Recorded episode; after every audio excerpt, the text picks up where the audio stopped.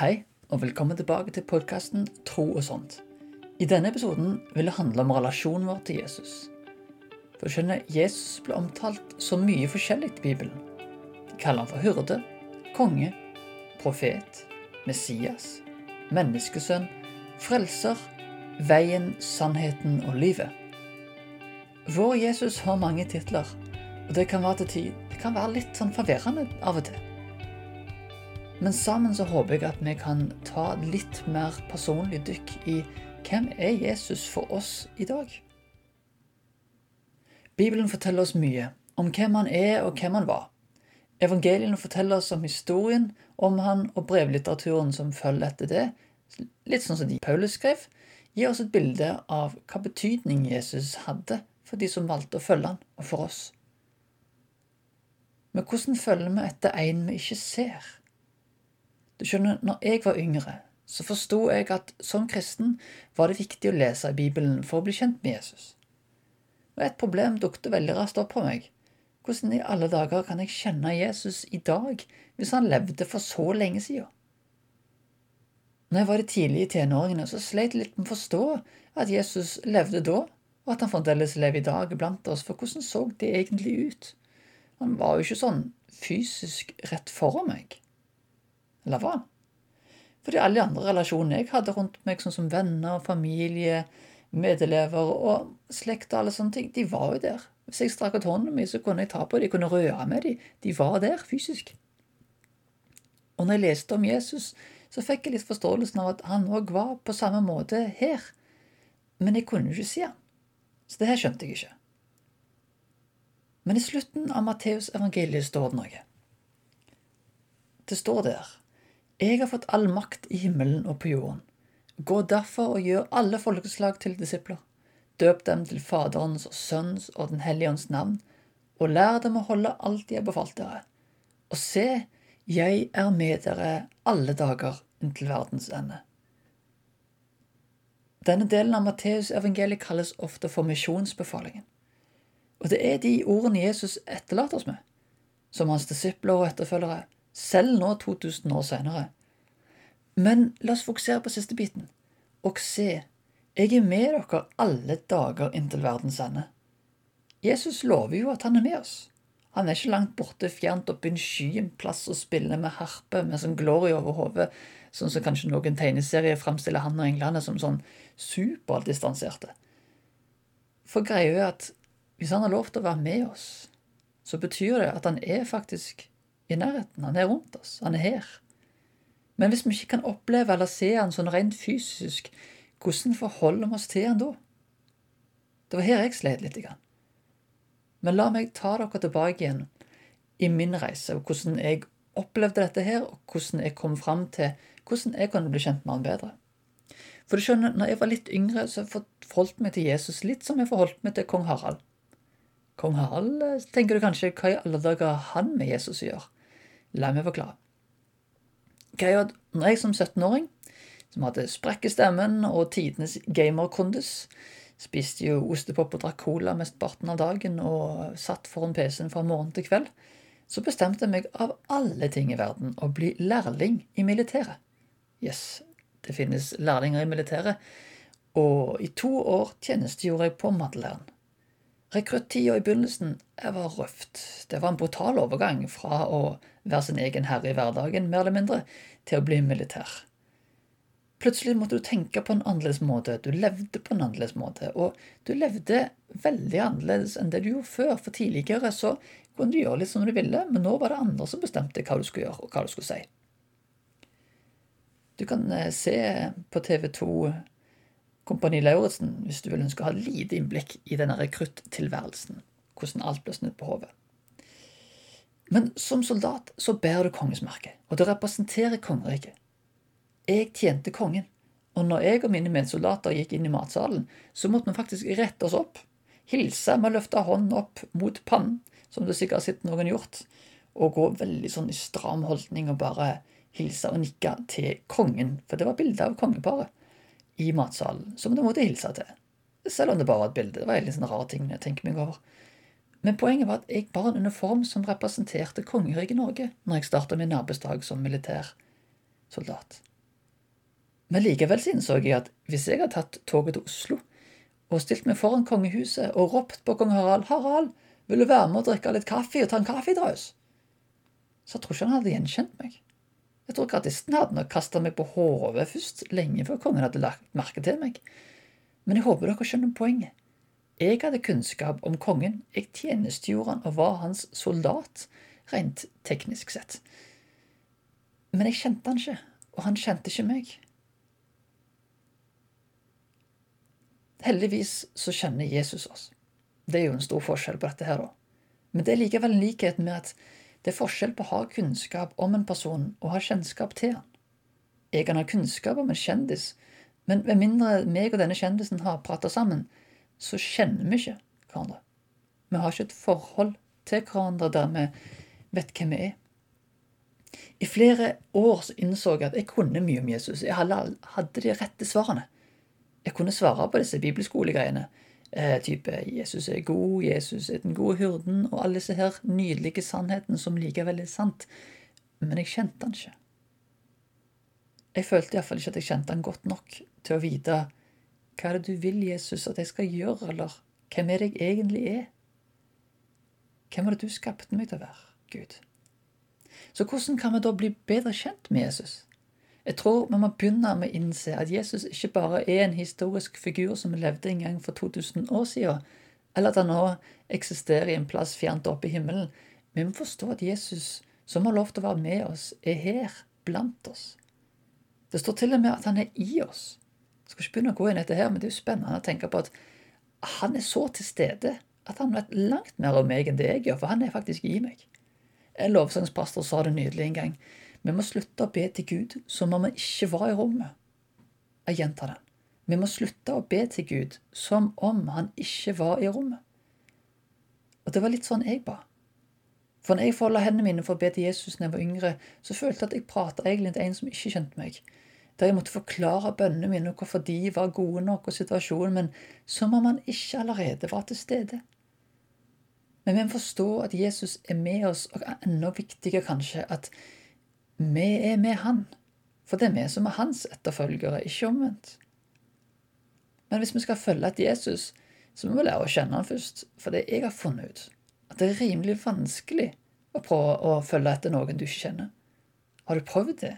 Eksempel hvis du står i byen og bare ser deg rundt, og så skal du følge etter en, en eller annen person, men du vet ikke hvem han er. Lykke til. Poenget er hvordan ser det ut å bli bedre kjent med Jesus her og nå?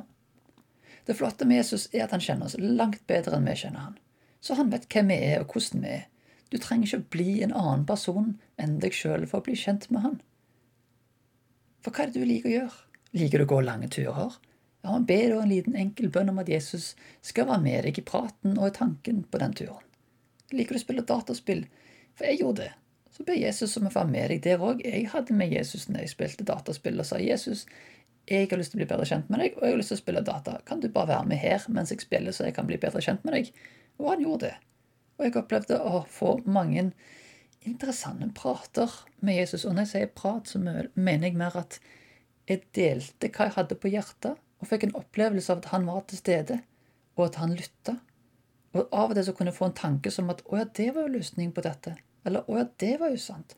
Han ga meg tanker og innspill som gjorde at jeg kunne plutselig se en løsning eller se noe som jeg ikke lenger gjorde. Prat med Jesus ser ikke alltid ut som ord til ord, men av og til tanke til tanke, bilde til bilde. Fordi greia er, når jeg starter dagen min nå, så sitter jeg ofte i en godstol og er stille. Jeg lytter. Vi er jo lutherianere, er vi ikke? Jeg tenner et lys, og enten leser jeg litt eller lytter jeg til Bibelen, for jeg har den på lydbok. Jeg setter av den første delen til dagen til å lytte hva jeg prøver, hva jeg opplever å høre fra Jesus. For det kan være at hans planer for den dagen er så mye mer annerledes enn de jeg har tenkt ut sjøl. Og da vil jeg helst gjøre det han har planlagt, fordi han har på en måte mye bedre oversikt enn det jeg har i situasjonen. Og hans planer, de pleier jo veldig ofte å være bedre, om ikke alltid bedre enn de jeg har lagt. Så jeg vil heller være med på det enn å holde på å streve med egne ting. Poenget er ta med Jesus inn i alt du gjør. Ikke tenk på han som en fjern person, men som en som faktisk kjenner deg best av alle. For du skjønner, han elsker oss først. Og han er en som alltid ønsker å la oss bli mer kjent med han, for hvem han er. For for meg så det å bli mer og mer kjent med Jesus har vært det mest livgivende elementet i mitt liv. Jeg har kommet til han når livet har vært utfordrende, men jeg har også kommet til han når livet har vært skikkelig gøy, og bare ønsker å dele det med han. For du skjønner, Jesus er ikke bare en du kommer og banker på døra til hver gang du sliter, men det er en du kommer til alltid. For som med gode venner så deler du gode ting og negative ting. Du deler alt. Det er vennskap. Jeg kommer til han om morgenen og om kvelden. Han er min nærmeste venn. Han er min frelser, for uten han hadde livet mitt ikke vært så fullt av liv og glede og kjærlighet. Det hadde vært annerledes og tomt uten han, for jeg vet hvordan den gamle livsstilen min var, og den var ikke det samme uten han. Ingen har stilt opp mer for meg når ting er utfordrende, enn det Jesus har. For han står ikke bare på sidelinja og heier, som av og til vi medmennesker er alt vi kan gjøre.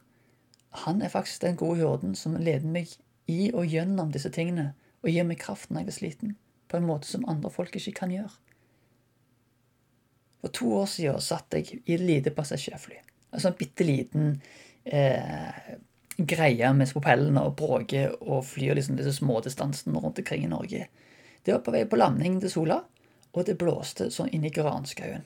Og flyet liksom bare vom, flam tilbake, og det var en veldig ekkel opplevelse for de som sitter inni. Jeg er sikker på at pilotene hadde grei kontroll, og at de har gjort det her tusen ganger før, men for meg så føltes det som at nå dør vi. Hvert øyeblikk nå så styrter dette flyet og krasjer et annet fjell. Det var bare sånn ah, Jeg likte ikke dette her i det hele tatt.